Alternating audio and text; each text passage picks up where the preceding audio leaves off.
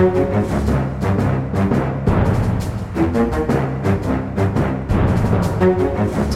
nei, men Velkommen da til en ny utgave av Aftenpodden. Vi er på plass, får faktisk lov til å være i studio, eh, om enn med god avstand. Eh, Sara Sørheim, god morgen, god morgen. God morgen. Er du frisk og rask? Jeg er frisk. Jeg føler meg ikke rask, men det skyldes helt andre ting. Jeg føler meg matt og slapp og litt sånn vinterdeprimert for tiden. Vondt i hodet og ingen luktesans? Jeg har luktesans, så jeg er ikke bekymra. Nei, det er mer mentalt, eh, Lars. Ja, ja men det er godt. Det er, det er en allmenn- så- som Kan gjelder ja, hele gjengen her. Altså, november er i utgangspunktet kjipt, og vi kan bare slå fast at denne novemberen her går inn i historiebøkene som verdens kjipeste. Jeg skulle grodd bart hvis jeg hadde vært mann, men det kan jeg ikke. Så kjipt er det. Så kjipt, ja. Trine Eilertsen, du har fått deg en eh, varm kopp kaffe. Ja, symptomfri. Ja. Jeg, både jeg, ja. ja. Også mentalt, eller? Uh, ja, det vil jeg si. Det vil jeg si. Altså, jeg er jo helt enig med deg. Denne novemberen her er jo peak november på mange måter. Men uh, nei, det går fint. Mm. Og Kjetil Alstheim, du har prøvd å gå på bar denne uka. Jeg gjorde det. gjorde det. Jeg prøvde å gå siste kvelden før, før lockdown. Men det, det var da, jeg valgte da ut en bar som hadde tatt dette på, litt på forhånd, så det var stengt allerede. Ah, bittert. Jeg vil jo bare si at, eh, bare for å slå det fast, eh, sånn pappaperm i november uten å kunne møte noen mennesker, eh, er A. eh, veldig, veldig koselig og hyggelig, selvfølgelig. Ja da. disclaimer, disclaimer. Ja, B. Jeg tror kanskje jeg er det verste av alle. ja jeg tror det. Ja, det kan hende, faktisk. Der, jeg, fikk så, jeg fikk så mange gode råd da Da jeg spurte om, om sånne tips til hva jeg skulle gjøre her for noen uker siden. Veldig veldig få av dem som er nyttige nå. Ja. Men, eh, men takk uansett. Men hva skal jeg si? Eh, Det, har, det er sosial lockdown i Oslo. Eh, Det, kommer nye krisepakker. Er det, hvordan er eh, kriseforståelsen og, og statusen her, Trine? Altså, Hvis jeg bare skal se på nærmiljøet, så opplever jeg kriseforståelsen som ekstremt god. Folk er virkelig sånn Nå må vi ta oss på tak, for vi orker ikke mer av det her. Så nå er alle sånn i, helt i overkant, og det må vi jo være nå, helt i overkant hysteriske på å følge opp tiltak. Eh, og da, da håper jeg jo, sant Du har det verst på en måte, men jeg vet at du sier det med en viss eh, ironi. For det vrimler jo av folk nå som rett og slett eh, mister restauranten sin og det de har bygd opp, og som virkelig ikke ser enden på dette. Og da tenker jeg alle vi andre må bare skjerpe oss noe helt grassat. Ja, jeg tar til meg den. Det hender Trine sier ting som er sånn Ja. Da er det bare notert, så går man videre, og så endrer man seg litt. Da stryker vi den vitsen og den vitsen og Nei, men dette var disclaimer, så eh, vet vi alle det, at eh, det er lov å tulle med alvor òg. Ja. Men da skal jeg legge til en alvorlig ting, siden, vi, siden du åpnet den døra. Og det er jo um, åpenbart altså de som driver næringsvirksomhet, og som mister livsverket sitt. Og så kan jeg jo legge på toppen av det at jeg begynner å bli litt sånn bekymra for, for de barna som, som nå egentlig har en ganske normal hverdag. Altså de som har åpne skoler og sånn som eh, ungene altså På skolen der hvor mine barn går, så er det jo egentlig ganske normal tilværelse. Men jeg begynner å lure på hva det gjør med liksom, den generasjonen der, det derre vanvittige fokuset på sjukdom. Det derre vaske hender, holde avstand. Altså, hvordan liksom Den derre de sånn, hva skal jeg kalle den usynlige trusselen som er sånn evig til stede i egentlig mellom alle voksne mennesker hele tiden, og som er liksom nå blitt smalltalk-tema. Når du møter naboen på butikken, så snakker du om feber. Sant? Så jeg bare lurer litt sånn på sikt. Altså, hva på gjør det mine unger merker jeg at de er mye mer redd for Donald Trump enn for korona. Ja, men det er jo positivt. Sånn rent konkret. Så det snakker de om hver dag. Så ja. mener at det er faktisk verre? De kommer, altså Stakkars gjeng. De kommer til å vokse Men- opp med sånn dommedagsfølelse. Men, men er, det, er det hjemme hos uh, Trine, så er det sånn Dette går utover sine konstitusjonelle rammer og en stor bekymring for de, de demokratiske konsekvensene av uh, Pentagon-utskiftningen i toppen og Ja, ja. da, seksåringene er helt der. Ja. nei, nei da. Ja, men, det, men det er jo mye mer spektakulært og håndgripelig Fordi, men det er klart det er altså for, for ungene så er det jo mer sånn konkret. Og der den bursdagen jeg snakket om forrige uke, den er nå avlyst. Sånn at de er, de er mer sånn Jeg har et dårlig liv, som Ja, min yngste sa. Jeg har et dårlig liv. Litt sånn som deg, Lars. Og det får han ha det. Akkurat sånn som du har. Men eh, ja. Nei, det kanskje, ikke stikker, kanskje de ikke tenker så mye over det. Kanskje vi voksne går og bekymrer oss. Men iallfall et eller annet som har kommet inn. Jeg tenker på den der, eh, Jeg tror mine foreldre vokste opp med den der intense angsten for atomkrig. Du vet sånn At det er en sånn skummel ting i barndommen din som henger over deg, som er liksom sånn litt abstrakt. Jeg begynte å tenke på at dette må jo være Altså De må huske tilbake til 2020 som et sånt år hvor liksom alt var bare sånn skummelt, uten at det egentlig var noe helt konkret. da. Men ja, vi får se vi får se hvordan det går. Det er ikke Mm. Så ender det opp med sånne bakteriofober, alle sammen, som er redd for å få skitt under negla og eh, gjøre ting. ja, Og hvem er det som er, har bakterieangst? Nemlig Donald Trump. Og sånn kan det gå. Nettopp. Og, og Iselin Nybø. Ja. Uten sammenligning for øvrig. Hun brukte håndsprit før det ble populært. Ja, early mover. Men for å lande den, så tenker jeg at kriseforståelse altså Det er vel egentlig det jeg prøver å si, er vel at vi må finne balansen mellom å ha liksom høy kriseforståelse, men ikke være hysteriske. Ja. Også av hensyn til eh, barna, men også av hensyn til bare Det går ikke an å være, en, eh, være hysterisk over flere måneder. Da blir man helt utslitt. Jeg merket at det ble litt utfordret for min del eh, i, på onsdag denne uka da jeg var i, i Stortingets spørretime og, og satt inne i presselosjen. Og så var det jo, nå har, det begynt, nå har jo stortingsrepresentantene begynt å bruke munnbind inne i stortingssalen. Eh, det begynte med i forrige uke. og så Har de, har de fremdeles de pleksiglass-tingene som KrF fikk ja, satt inn? Ja, nå har de både pleksiglass, munnbind og masse sprit. Uh, og, dette begynte med i forrige uke, og så spurte jeg en av betjentene jeg skulle inn i presselosjen. Skal vi ha munnbind inn i presselosjen? Og så fikk jeg svar ja, det er opp til dere, og der er det jo god plass. Og da tenkte jeg ok, det er god plass, det er mange meter både øst og vest og frem og tilbake, så dette går fint. Men i går, da, uh, så satt jeg der, og så slo det meg på et, uh, plutselig at nå er det stortingspresidenten og jeg, vi er de eneste som sitter her uten munnbind. er dette egentlig greit? Nei, altså sånn eh, Aftenpostens ståsted da, Kjetil, for å ta denne personalsamtalen på luften. Så er det klart at Hvis Dagsrevyen tar et sveip over salen, og så ser vi det én person som sitter uten munnbind, hva er dette for en markering, og er det der vi skal ligge? Svar på det vi skal jo ikke være en aktør, tenker jeg. Nei, ikke, nei, det er det. Altså Her velger jeg bare å legge meg helt flat for sosiale kodekser. Så nå går jeg altså med munnbind overalt. Jeg bare orker ikke å utsette meg for sånn Hva skal jeg si? Altså, Blikk. Blikking. Ja, blikking. Munnbindblikking. Ja. Jeg var på Ikea på lørdag, og der var det der, der møtte vi For det første så kom vi 30 minutter før de åpnet med to unger, og det, det skal ikke jeg gå i dybden på engang, så vi måtte stå ute og vente. Men du kunne gå inn, da. Så de lå på gulvet liksom og tryllet rundt helt til alle kom. Men da hadde vi med munnbind til hele familien. Og da kom det jo Jeg vil si det var sånn 95% munnbinddekning på Ikea. Men så kom det én familie. Så du så, og, en, og så er det et par som ikke går med munnbind, og de er litt sånn jeg går ikke med munnbind, og jeg er stolt av det. Du har den gjengen, men det er ikke mange. Men så kommer det en familie som du ser, de har bare glemt det. Så du ser hele familien bare synker sammen i skam. Og bare trekker seg sammen i en sånn gruppe og går og kikker på om alle ser på dem. Jeg bare tenkte, Og særlig hun moren. Hun, bare så, hun var helt sånn bare så Hun ville at jeg skulle se i blikket hennes at 'Det var ikke med vilje!' det var ikke med vilje, Og da gikk jeg der med det blomstrete munnbindet mitt og litt sånn ja ja, noen tar de valgene. Ja. så det er jo, det er jo vonde, det er vondt òg. Ja. Men er det, er det, det er denne uka, i motsetning til tidligere uker med, med, med koronanedstengning og store endringer, så har det jo faktisk foregått og slått gjennom litt politikk.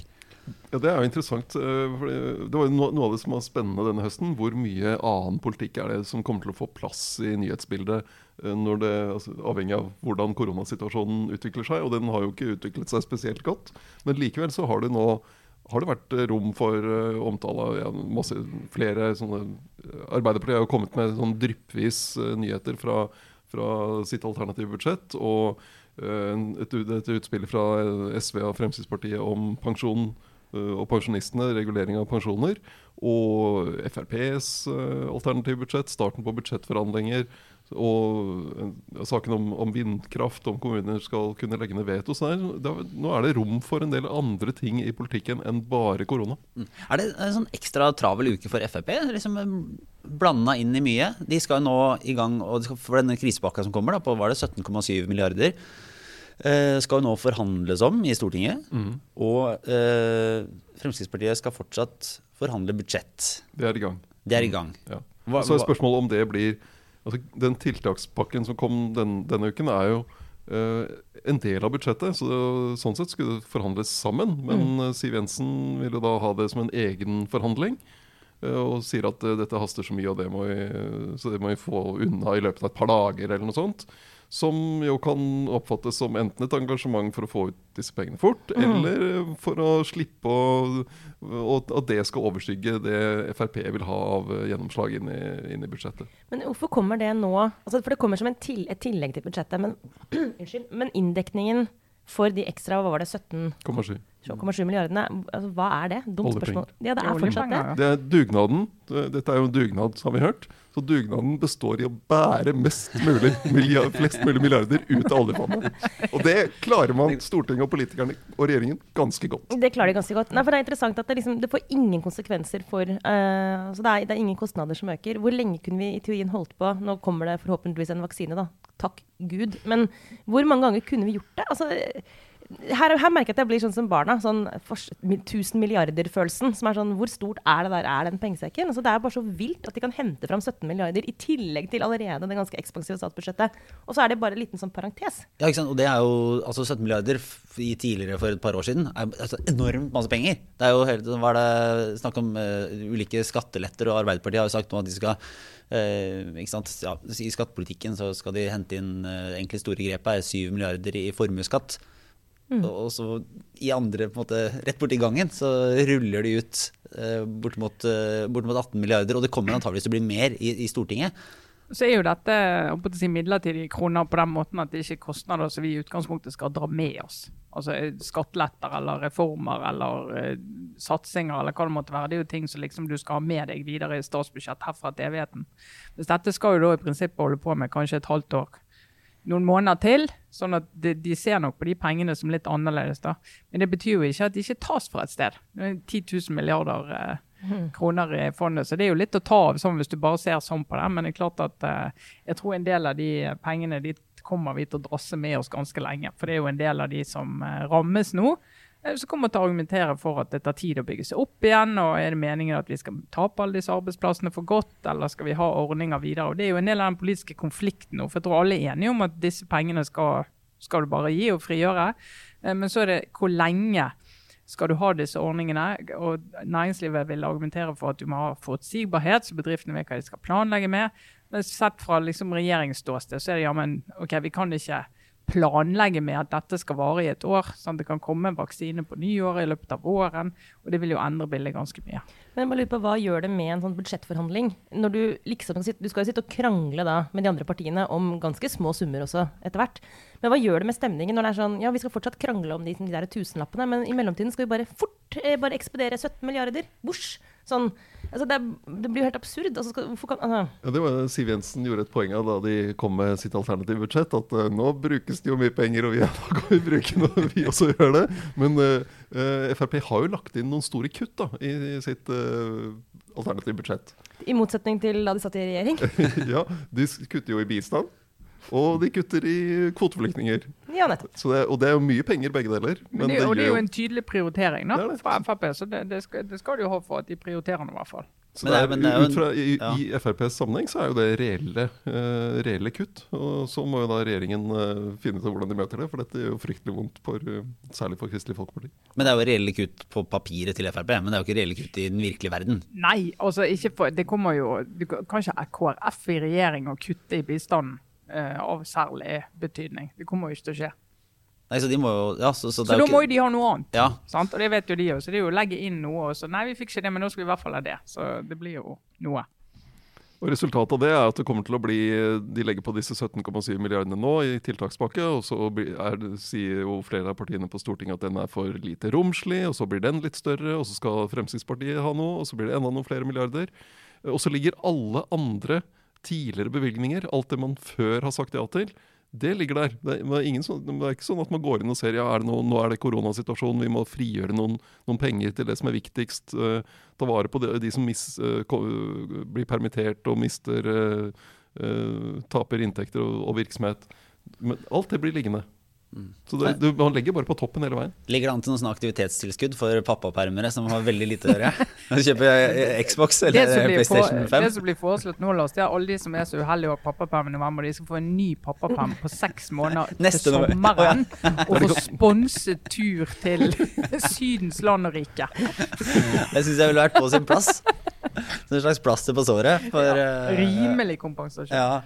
Jeg, jeg tror, altså, alle, er enige om at det, ut fra handlingsreglene og sånne ting, så er det, vi er i en situasjon nå der du bruk, skal bruke mer penger. Bruke ekstra penger for å ja, ta vare på inntekt for både folk og bedrifter. Men eh, det har jo konsekvenser etterpå. Når du spiser av fondet, så blir det mindre avkastning du kan bruke senere. Ja, og så er det noe med, altså med incitamentene inni her. For det er, jo, det er, jo, klare tegn til at en del av disse ordningene er, har en innretning som gjør at det lønner seg for en del bedrifter å bare bremse helt opp virksomheten, få permittert de ansatte så de slipper å lønne dem. Og så få inntekten ned akkurat på et sånt nivå at det utløser støtte. da. Så hvis du er en bedrift som ikke permitterer eh, ansatte, eh, og prøver å holde det i gang, og klarer å holde akkurat så mye inntekt at du ikke kommer under, så får du jo ingen støtte. Men det mm. har jo enorm verdi at bedriftene ikke permitterer og ikke sier opp ansatte. Det er jo liksom det vi prøver å få til. Så da kan du jo få en del bedrifter som eh, misbruker ordningen, og du kan få en del bedrifter som uansett ville gått over ende i denne perioden fordi de ikke har livets rett, som utløser eh, støtte. da. Og en del av de, eh, de erfaringene har de jo ikke oversikt nok ennå til å si noe om. Og du kan dra disse ordningene videre. og det er klart Jo mer du sementerer ordningene lenge, jo mer av det vil du også se. da. Men uh, apropos uh, langsiktige virkninger, så har jo da SV og Fremskrittspartiet gått sammen med et uh, forslag. Nå skal jeg prøve å oppsummere det her fra en sånn passe lang avstand fra nyhetsbildet. men, men kort fortalt så var det er en del av pensjonsforliket fra tidligere som det, tegna Det var jo ikke de med på. Nei, men hva var det som var pensjonsavtalen fra noen år siden? Sa pensjonsreformen. At, mm. pensjonsreformen sa at pensjonister får liksom underregulert veksten i pensjon. Så du, når, når eh, frontfagsmodellen når det forhandles fram en lønnsvekst, så får pensjonistene det samme minus 0,75 prosentpoeng. 0,75% Jeg liker at alle setninger du sier nå, er utformet som et spørsmålstegn. Ja. ja poenget var at de skulle ha, altså, regulere pensjoner et sted mellom prisveksten og lønnsveksten. Og så fikk man det trekk fra 0,75 eh, prosentpoeng. Eh, men så det, i, den, I starten så ga det ganske uh, gunstig utvikling for pensjonene. Men nå de siste årene, der eh, lønnsveksten har vært så lav, så har pensjonistene uh, fått uh, redusert kjøpekraft. Og så er det kompensert gjennom andre tiltak, bl.a. Uh, altså økninger i, i minstepensjon og gjennom skattesystemet. Men det har jo vært en mye rabalder da, fra pensjonistene på at de de sakker akterut. Men hvorfor er det akkurat SV og Frp som nå har funnet sammen til å. De drar oss tilbake til barnehageforliket. Der sist de virkelig fant sammen, og det gjorde de jo. Og sa de at ok, når det virkelig er en viktig sak som brenner oss og gjelder mange mennesker i Norge, så må vi liksom se forbi disse klassiske skillene. Så må vi som har kontakt med folket, vi må slå oss sammen, og så må vi si at nå skal vi bare kjøre, da. Så det de gjort på pensjon, og de bruker jo det. at liksom, Tenk, vi fant sammen. Eh, det gjør vi aldri ellers, men nå gjør vi det. sant? Og det, det, er ganske sånn god gimmick, da, hvis du skal se sånn på det. God PR at de gjør det. Og få vise at vi ser, vi ser forbi forskjellene. Eh, men det er klart det at både, både, Frp på sin side og SV på sin side skaper jo problemer for Høyre og Arbeiderpartiet, som er typisk disse pensjonsreform... Mm. Uh, hva skal jeg si, stolpene da, i pensjonsreformen med, med disse endringene. Sant? Heve minstepensjonen, ja, det driver man jo med, og det er det argumenter for å gjøre. Men det er akkurat det der hvordan du skal regulere kjøpekraft til pensjonistene, det er jo en, eh, en, eh, et stridspunkt. Det, det, her er jo, altså, poenget med pensjonsreformen var jo hvordan får vi til et pensjonssystem som vi greier å betale for i fremtiden. Og, og akkurat dette, det som kalles en underregulering av pensjoner, er bidraget som dagens pensjonister gir. Altså, fremtidens pensjonister, de som er unge i dag, de skal jo bidra mye mer. Mm.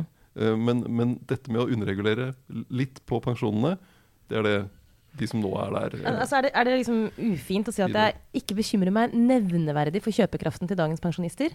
Altså, Nei, altså, er, de er, altså, for vi som har vært i arbeidslivet de siste årene, har liksom vi, jo, vi, kjenner jo begrepet liksom, gullpensjonistene. Eh, og de, de blir det blir ikke vi, for å si det sånn. Så, liksom, ja, altså, jeg husker uh, Ola Storeng, som var tidligere økonomiredaktør i, i, Aftenposten, og nå er pensjonist. Han var jo veldig tydelig på det. Altså Min generasjon pensjonister. Det er ingen pensjonister verken før eller siden som kommer til å ha det bedre enn vi har Nei. det. Altså økonomisk, For liksom alt slår inn. sant?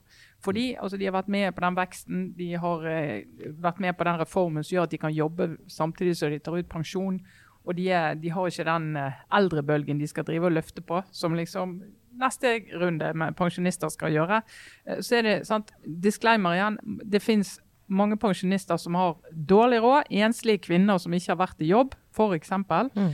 Eh, og bor dårlig og har uh, altfor dårlig råd. De må du jobbe med. Men det som blir litt rart i den pensjonsdiskusjonen, er at du snakker om pensjonistene som en gruppe som er de fattige i Norge. Mm. Og det er rett og slett ikke riktig. Ja, for det her er en sånn ting som, eh, som, som Aftenposten på lederplass typisk er skeptiske til, er det ikke det? Eh, eh, typisk. Ja. skeptisk til det.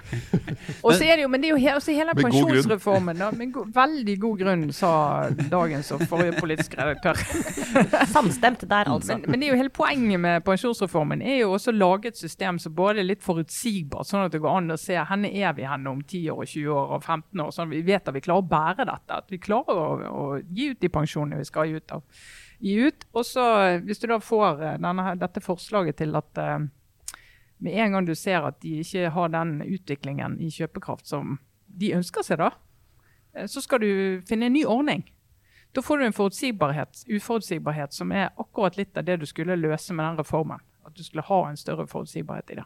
Og denne her forhandlingsretten til pensjonistene, Kjetil, Mm. Den, er, det, er det både Frp og SV som går inn for det? Ja, de vil ha det. At pensjonistene skal kunne forhandle De vil ikke bare endre den faste måten å justere det på. De vil at pensjonistene skal få forhandle igjen, sånn som de gjorde før. Som eh, Ja, men altså, hvem er det som forhandler eh, Ja, altså, så mange spørsmål. Altså, Pensjonistforbundet. Jan Altså, Davidsen. Ja, hvordan skal de da Altså, det evige spørsmålet hvordan skal de streike? Skal de, Skal begynne å jobbe igjen? jeg nekter å passe barnebarna, da. ja, det er jo det. Ja. Hekle litt saktere. Ja. Nei, men, nei, men, Jo, men altså, eh, sånn kan jo pensjonistene lamme samfunnet, hvis de nekter å passe barnebarna. Altså, de har jo et kjempekort på hånda. Det er jo rett og slett, eh, Da er det jo helt krise. Da vil jeg gå inn for eh, skyhøy pensjonistøkning. Men da kan du betale de pensjonistene du har kontakt med, du da, Sara. Sånn som du gjør med andre barnevakter.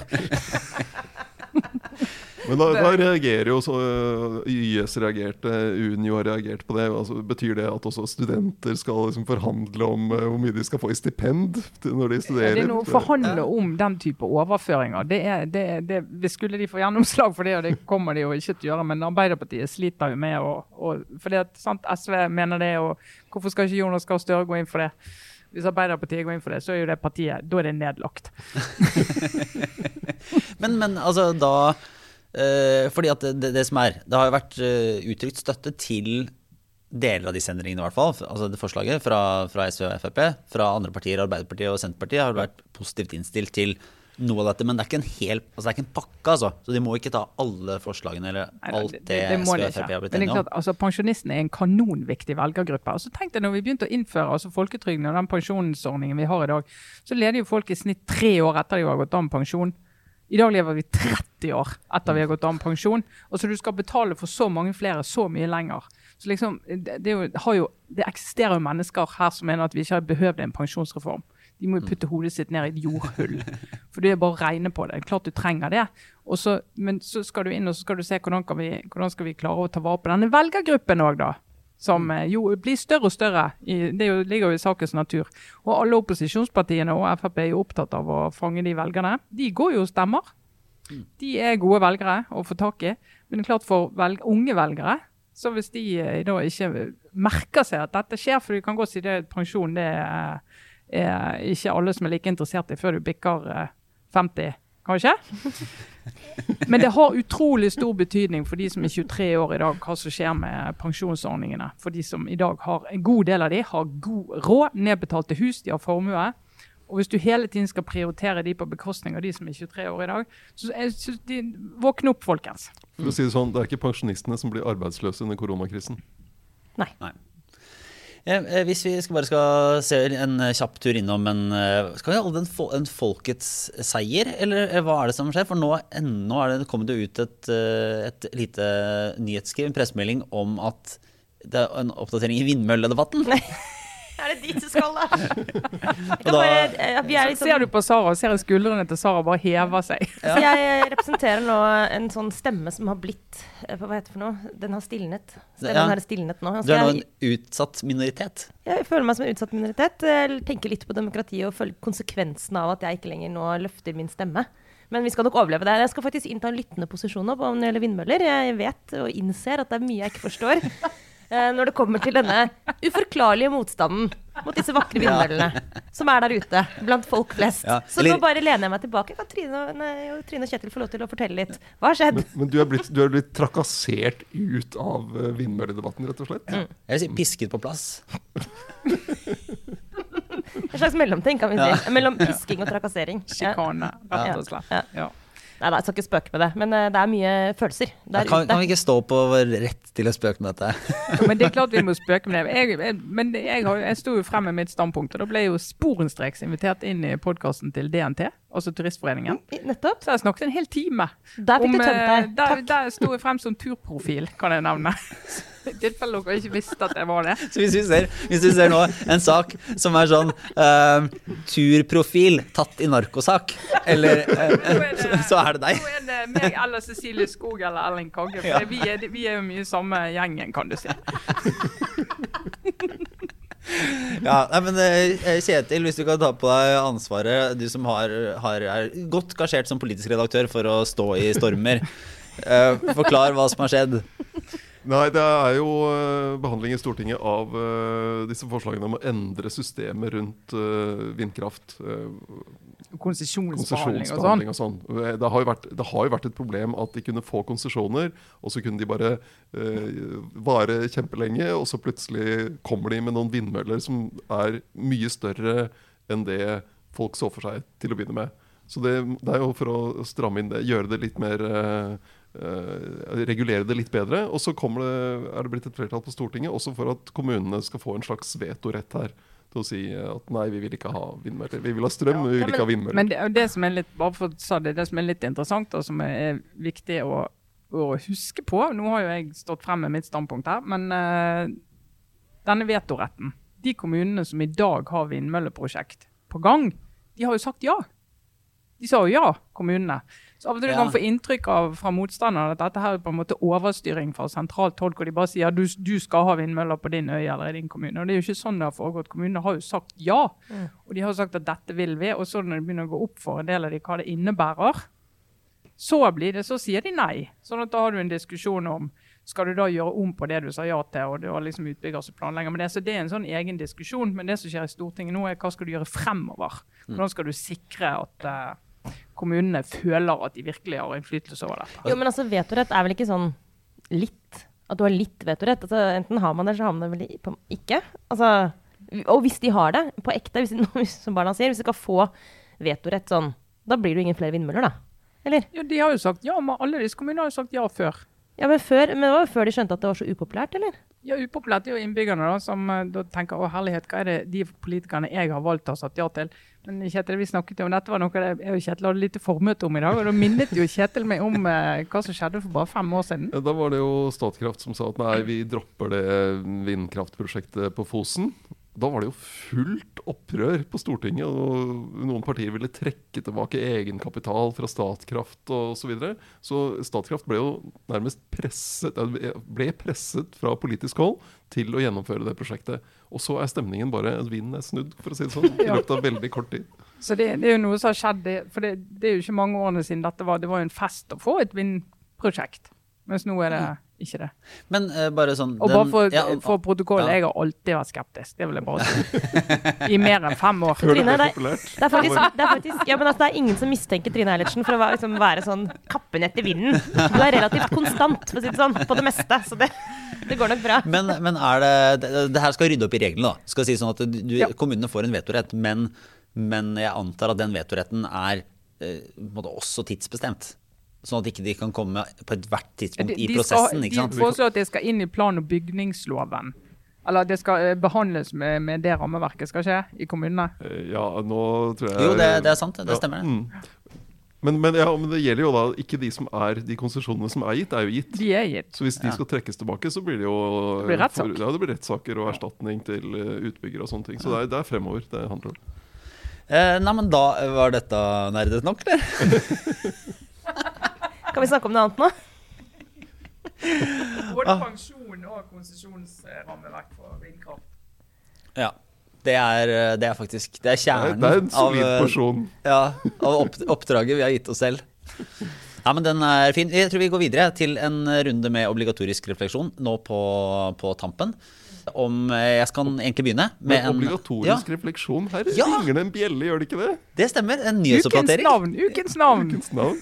Fordi, altså for de som ikke har fått det med seg, så kan man minne på at det var daværende nestleder i KrF, Dagrun Eriksen, som i sin tid kom med dette begrepet obligatorisk refleksjon som en liten ekstra tenkerunde eh, kvinner kunne ha før de eh, fikk innvilget eller eh, i abortprosessen. da. Ja, noe som er kanskje det mest Det er kanskje det verste forslaget som noensinne faktisk i historien har blitt presentert av norsk politiker. Særlig fordi det er, altså det er noe så grunnleggende patronizing, hva heter det på norsk? Altså sånn. Formyndersk nedlatende. Ja. Formyndersk i sånn Ja, men lille venn. Kanskje, denne, kanskje du har lyst på dette barnet likevel? Som er sånn Nei! Og det valget har jeg rett til å ta selv. Ja, Så dette er jo noen år tilbake, men det, fortsatt kjenner jeg at liksom, engasjementet mitt bare Ja, i, I USA er dette for øvrig ganske vanlig, å måtte ha det. Og Ja. Det er jo litt av striden. Det er jo litt av grepene abortmotstanderne har brukt. Ja. Du må tenke deg om. Men uh, den samme gløden da, den fikk Dagrun Eriksen da hun så Geir Lippestad uh, presentere det nye partiet Sentrum. Og hun har da blitt en del av denne uh, overgangsgjengen som har bytta parti. Så hun gikk fra KrF til Sentrum. Og er nå snakker opp det. Og, og det partiet som eh, Hva skal man si de har vel, Det gikk ikke helt sånn utrolig raskt med å få de 5000 signaturene. De mangler fortsatt 2000, eller noe sånt. Eh, men Så- det kan jo hende at dette dro dem over, over linja, da. Så utfordringen for, for oss når vi skulle presentere nyheten, var jo for det første minne om partiet Sentrum, eller forsøket på å danne partiet Sentrum. Og for det andre minne om hvem, var, hvem er Dagrun Eriksen. Ja. Våre lyttere vet alt dette. Det er Ja, jeg ja, helt sikker på. For øvrig, i annen personalnytt rundt sentrum, så kan vi opplyse om at eh, Simen Bondevik uh, har meldt seg ut av KrF. Og at, Tror vi har meldt oss inn i sentrum. Uh, hva er det? Si, de store pengene på betting markets er vel da på enten sentrum eller MDG, kanskje? Kanskje det. Altså Hvis det er en sak, at han melder seg inn i sentrum, så blir jeg nesten sånn flau på vegne av vår stand. Uh, men det kommer jo til å bli det. Ja. Altså Av en eller annen grunn så er dette her liksom eh, Det er de, de store sakene denne uka. I annet nytt fra, fra eh, KrF-kretser så kan Emil André Erstad, tidligere rådgiver til Knut Arle Hareide, har nå begynt å abonnere på Washington Post og New York Times. Har Ja. tatt steget. Uh, de uh, små og store bevegelser rundt, rundt det nye regjeringspartiet. Det er, bra, det, det er greit å vite. Hva heter det? Det er kjekt å vite, eller hva det er? Ja, kjekt å vite. Greit å vite, som det het Aftenposten Ja. Det kan nesten sies å være et, et godt, men ubekreftet rykte. Ja. Men det er jo, det er, altså, det er jo litt, kanskje litt rart å skrive om og gi mye oppmerksomhet om disse små bevegelsene i hva skal vi si, kristenpolitiske landskapet. Men det skal så utrolig lite til eh, for Kristelig Folkeparti. Ja, det er. Med, det er så avgjørende for det partiet å komme over sperregrensen for å få utjevningsmandater. De ligger jo ikke an til det på de fleste målinger. Og når, hvis partiet Sentrum kommer inn, blir et parti, får, disse, får nok eh, underskrifter, så kan det være det som tar de stemmene som de hadde trengt. Og bare for å si det, sentrum kommer ikke over sperregrensen, så da er på en måte kristen, eh, kristenpolitikken borte. Ja, men tenk det, liksom. Det, altså, Kristenpartiet i Norge ble da på en måte, hvis dette skjer, da, ble drept av FNs bærekraftsmål. Det var, ikke, det var ikke liksom andre ting som skyllet over samfunnet. Det var ikke synden som kom og tok KrF. Det var en konkurrent som baserte partiet sitt på FNs bærekraftsmål, som da tok endelig rotta på dem. Det syns jeg bare Hvem kan være imot FNs bærekraftsmål? Det var den, eh, det var, det var, da de advarte mot den pinnen, så var det ingen som så de store konsekvensene. Vi lo, vi, da de, da de kritiserte.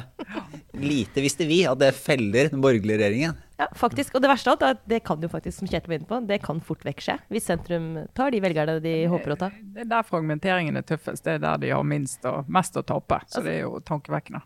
Der har venstresiden eh, må skjerpe seg nå. Det er de som pleide å ødelegge, seg, å ødelegge for seg selv med fraksjonering. Men nå er det altså kristensentrum som har tatt over.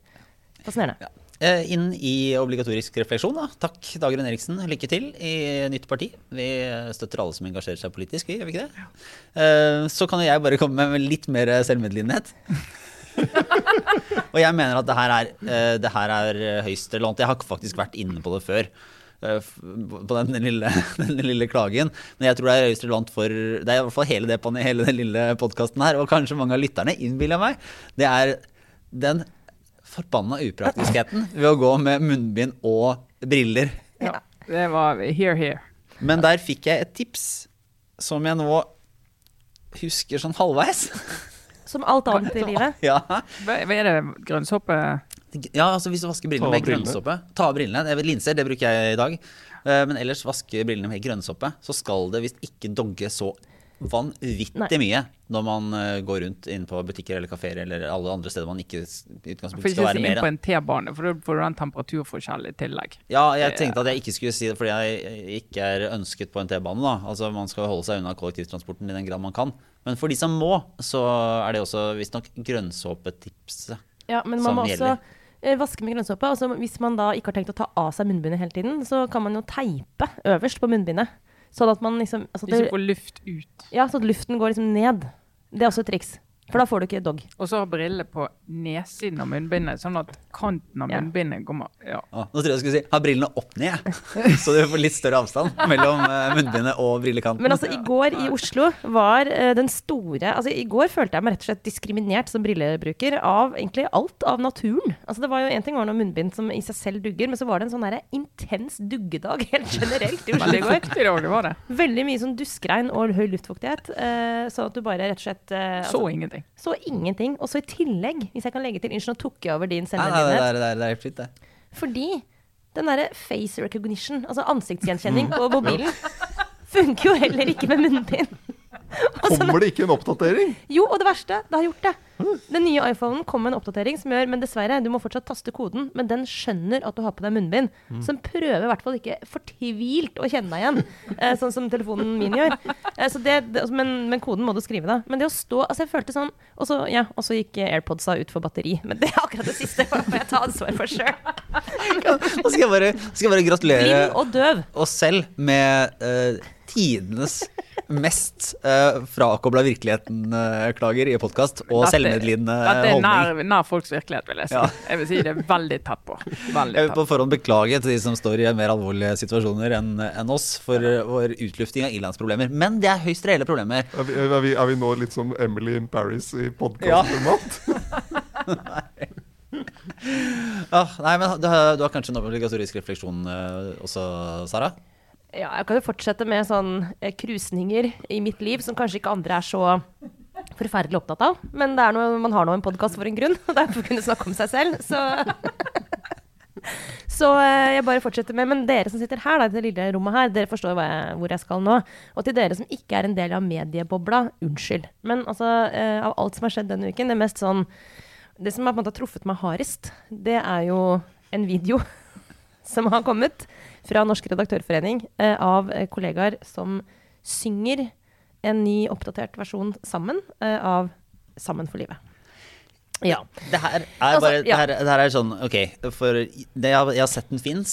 Jeg har fortsatt ikke hatt det mentale liksom, overskuddet og uh, tryggheten til å gå inn og se det. Nei, men, jeg- men der er, det en, altså, er det en egen tekst? Er det sånn Ja, det er en ny tekst. Det er ny tekst. Så, som, som medlem av Redaktørforeningen så tenkte jeg nå kan jeg identifisere meg med 14-åringen som er på sånn konfirmasjonsselskap og så synger hele selskapet en sånn, en sånn egenkomponert uh, tekst på melodi av Humpetitten eller noe sånt. Men det er, bare- det, det er bare én ting å si egentlig om det, og det er at den type bidrag for å vise at vi er sjølironiske, det er ikke for alle.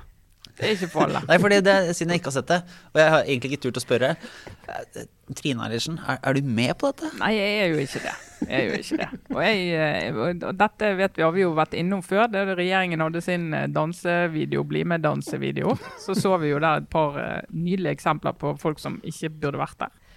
Og da tenker jeg at eh, det må gjøres i denne sammenhengen. Ja, vi skal bjuda på, og det vet alle som har meg som sjef, at jeg kan, eh, kan gi litt av meg sjøl, men sånn å stå sånn allsang med sånn ferdig tekst, det er det verste du kan påføre meg. Jeg har sett deg Jeg en gang. kan ikke gjøre det. Og så hvis jeg da får hatt på meg i tillegg, som skal signalisere et eller annet, da tenker jeg shoot now, som Obama sa da Biden holdt taler. Altså, jeg kan fortelle våre kjære lyttere at jeg har bilder av at dette har skjedd én gang. Og eh, Trine har faktisk stått og sunget en eh, tekst uh, motvillig med hatt på. Og det bildet, altså Hvis jeg noensinne legger det ut på Facebook-siden, så vet dere at da har det gått galt mellom Trine og meg. Eh, dette er Trines, dette er det jeg har på en måte sånn She was so young and needed the money. Men altså, jeg har et bilde av det Jeg har til og med en video. Ja, nei, jeg har, vært, jeg har dratt inn fordi jeg har drevet, eh, det har vært innom ledelse i noen år. Det er nesten sånn, Hver gang jeg tenker på skal jeg bli sjef nå, så tenker jeg må jeg da synge allsang med andre ledere som ikke kan synge til en dårlig tekst. Ja, det må jeg kanskje. Og kanskje jeg ikke skal gjøre det likevel. Men her er derfor har jeg bare bestemt meg for ærlig mot meg sjøl. Jeg gjør det ikke. jeg tror det er en klok vurdering. Eh, men det jeg også bare må legge til, da, er at det er nettopp det. Som, altså den, den, for dette er jo faktisk en ekte refleksjon da, som jeg gjorde meg. Og det er den sånn, det, det fins to typer mennesker. Det er de som kan by på seg sjøl, og de som du beskriver, Trine, som absolutt ikke bør gjøre det. Eh, og noen i den videoen kommer jo veldig faktisk godt ut av det. De kan til og med synge. Og da kjenner jeg også på for det første en sånn her, helt sånn skrekkfølelse av å skulle ha vært med selv. Og jeg vet at jeg, til, jeg kan ikke gjøre det. Altså jeg er så ukomfortabel at jeg, jeg ser ut som Torbjørn Røe Isaksen på den videoen hvor han prøver å danse. Så det går ikke. Men jeg blir også litt sånn Gud, så heldige de er. De som bare klarer det. Blomstrer De i det formatet, ja. ja. Så det all ære til dem. Man har ikke ment sånn kritikk av at eh, altså, de som faktisk kan liksom, ta dette og, og stå i det, og fremstå både avslappa, selvironiske, morsomme Ja, til og med litt sånn 'dette var gøy å se på'. Altså, fortsett. Altså til oss andre, lær deg selv å kjenne. Men vi har, Trekk deg rolig og så har vi tilbake. forskjellige måter å by på oss sjøl. Det vil jeg insistere på. Alle trenger ikke gjøre det på samme måten.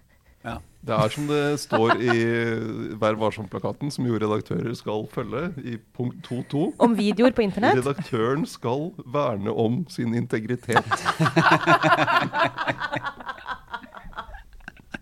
Den hadde vært interessant å få behandlet i PF. Ja, absolutt. Jeg vurderer å klage den inn. Ah, nei, nå, også, nå, jeg vet ikke helt om dette var din tenkte obligatoriske refleksjon, Trine, men det er faktisk et folkekrav Ja, uh, om at du at kommenterer kommenterer det som nå skjer i Danmark. Ja, det som skjer i Danmark, i, i, hvis vi løfter blikket, så er det jo veldig bra. De slakter all mink. Minken skal bort. Og ikke bare fordi de har fulgt din oppfordring om å gjøre det, Nei, sånn det er generelt. derfor. Minken har fått korona, en uh, mutantversjon som du ikke vil at mennesker skal få. For den kan jo gjøre at vaksinen ikke virker, annet. Så vi vil ikke det. Så derfor blant annet for jo, det er vanskelig for folk som kommer fra Danmark til Norge akkurat nå, pga. at denne minken har og utviklet dette viruset. Eh, I Danmark er det stor eh, krise nå, fordi de har jo da eh, regjeringen sagt eh, minken skal slaktes. Og så viser det seg at de har ikke helt hjemmel til å gjøre det i lovverket. Så det er en stor politisk krise i Danmark nå. Minkgate, tror vi fort kan kalle det. Men da vil jeg bare minne folk om hvorfor vi er egentlig glad for at minken forsvinner. Og det er at minken hører ikke hjemme i vår fauna. Han er importert. Og minken ødelegger faunaen, ikke minst i Norge. Når han rømmer, og det gjør han Minken kom til Norge fordi de skulle drive med pelsoppdrett. holdt jeg på å si. Minkoppdrett for å lage pels. Og så begynte de å rømme. Så var det mink ute i naturen. Der har de ingenting å gjøre. Så mink, det Men- Vi trenger ikke mink. Hører de hjemme i Danmark? I faunaen i Danmark? Det, det, det, det, det kan jeg ikke tenke meg. Kan ikke tenke meg. Nei, Men altså, Trine, så du liksom, Jeg vet at vi Men vi må ha Ikke så mye mink, i hvert fall. Nei. Det er jo disclaimerens eh, sending, dette her. Så Ja. vi må bare legge til noe. Vi det er fælt at koronaviruset har kommet til verden. Altså, det er dumt. Ja, det, ja, det, det, Hvis noen var i det tvil. vi helt syns vi er elendig. Ja, det er vi imot. Selv om det har andre sider. Ja. det Altså, finnes, det er lov å ha to tanker i hodet på en gang. yin og yang, dette her. Da. Det I- fins noe lys i, i ethvert mørke. I hver krise finnes det en mulighet, sier de visstnok i Kina. Men uh, bare apropos mink så, og pelsoppdrett, så i denne boken til Trine Skei Grande, da, så sier jo hun at eh, når de skulle inn og forhandle om regjeringsdeltakelse med Erna Solbergs eh, gjeng, så la de jo frem dette forslaget om å legge ned pelsdyrnæringen bare som en sånn vi, vi, som en test, for å se hvor keen de var på å samarbeide med dem. Og så fikk de jo gjennomslag for det. Oi, Så det ble jo eh, liksom vedtatt sånn Bang, da skal vi gjøre det. Så jeg skjønner jo mink, pelsbøndene i Norge, at de er litt eh, opprørt over, over akkurat den eh, politiske prosessen. Det skjønner jeg, selv om jeg personlig mener at mink har ingenting i vår fauna å gjøre. Men eh, vi- eh, i, Danmark, vet de skal drepe, er det 14 millioner mink eller sånn som skal eh, slaktes? Det er jo forferdelig, da. Akkurat Ja. det der er jo forferdelig. De, har, de slakter masse mink, og de har jo ikke noe sted å gjøre av. De er jo graver, svære massegraver hvor de skal grave dem ned i jorden. og det altså, De klarer ikke å kremere dem raskt nok. og Det, det, er, jo, det er jo forferdelig. Så bare for, bare for å si det, at det er det. Mister sånn døde mink langs veien på vei når de skal kjøre. over. Ja, det er jo helt grusomt. Og det er klart de bøndene som lever av det, og de er null snakk om å ikke ha forutsigbarhet. Alt forsvinner sånn. Husker du den der eh, populærmusikk fra Vittula? Ja, Den boken? Han som skulle drepe rotter. ja. Noen svære groper med rotter. Jeg husker forferdelige sånne bilder fra den boken som bare står igjen i hodet mitt. De, de, de ser jeg for meg nå, bare til mink. Huff, huff, huff. Ja, uh, Kjetil, hvordan er det med deg inn i, inn i helgen? Er det noen eh, refleksjoner? Ja, altså Har du noe som er, jeg har du rakk- som jeg er større, større jeg- perspektiv enn Nei, en time? jeg rakk å gå altså på mandag kveld, noen timer før lockdown, så rakk jeg å gå der på den siste kinoforestillingen i Oslo på tre uker, eller hva det blir. og fikk sett uh, Et glass til. Uh, Thomas Winterberg. Det var en veldig ironisk tittel. Veldig ironisk tittel. Uh, som kan anbefales for de av dere som bor i de deler av landet der man kan gå på kino.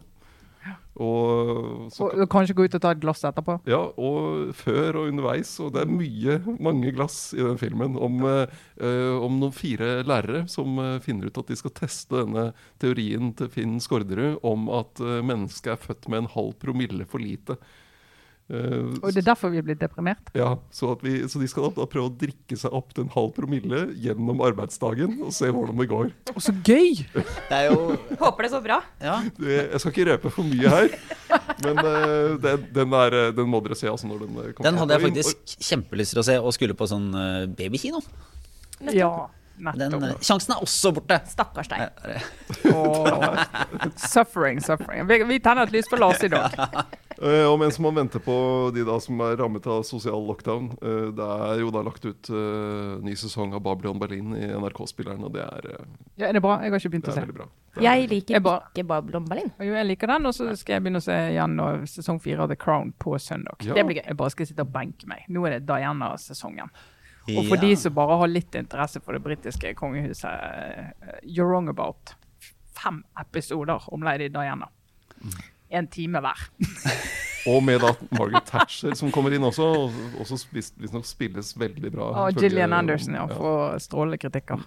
Se det. Ja, men Da kom det noen anbefalinger på, på tampen her også. Eh, smått og stort denne uka, vil jeg si.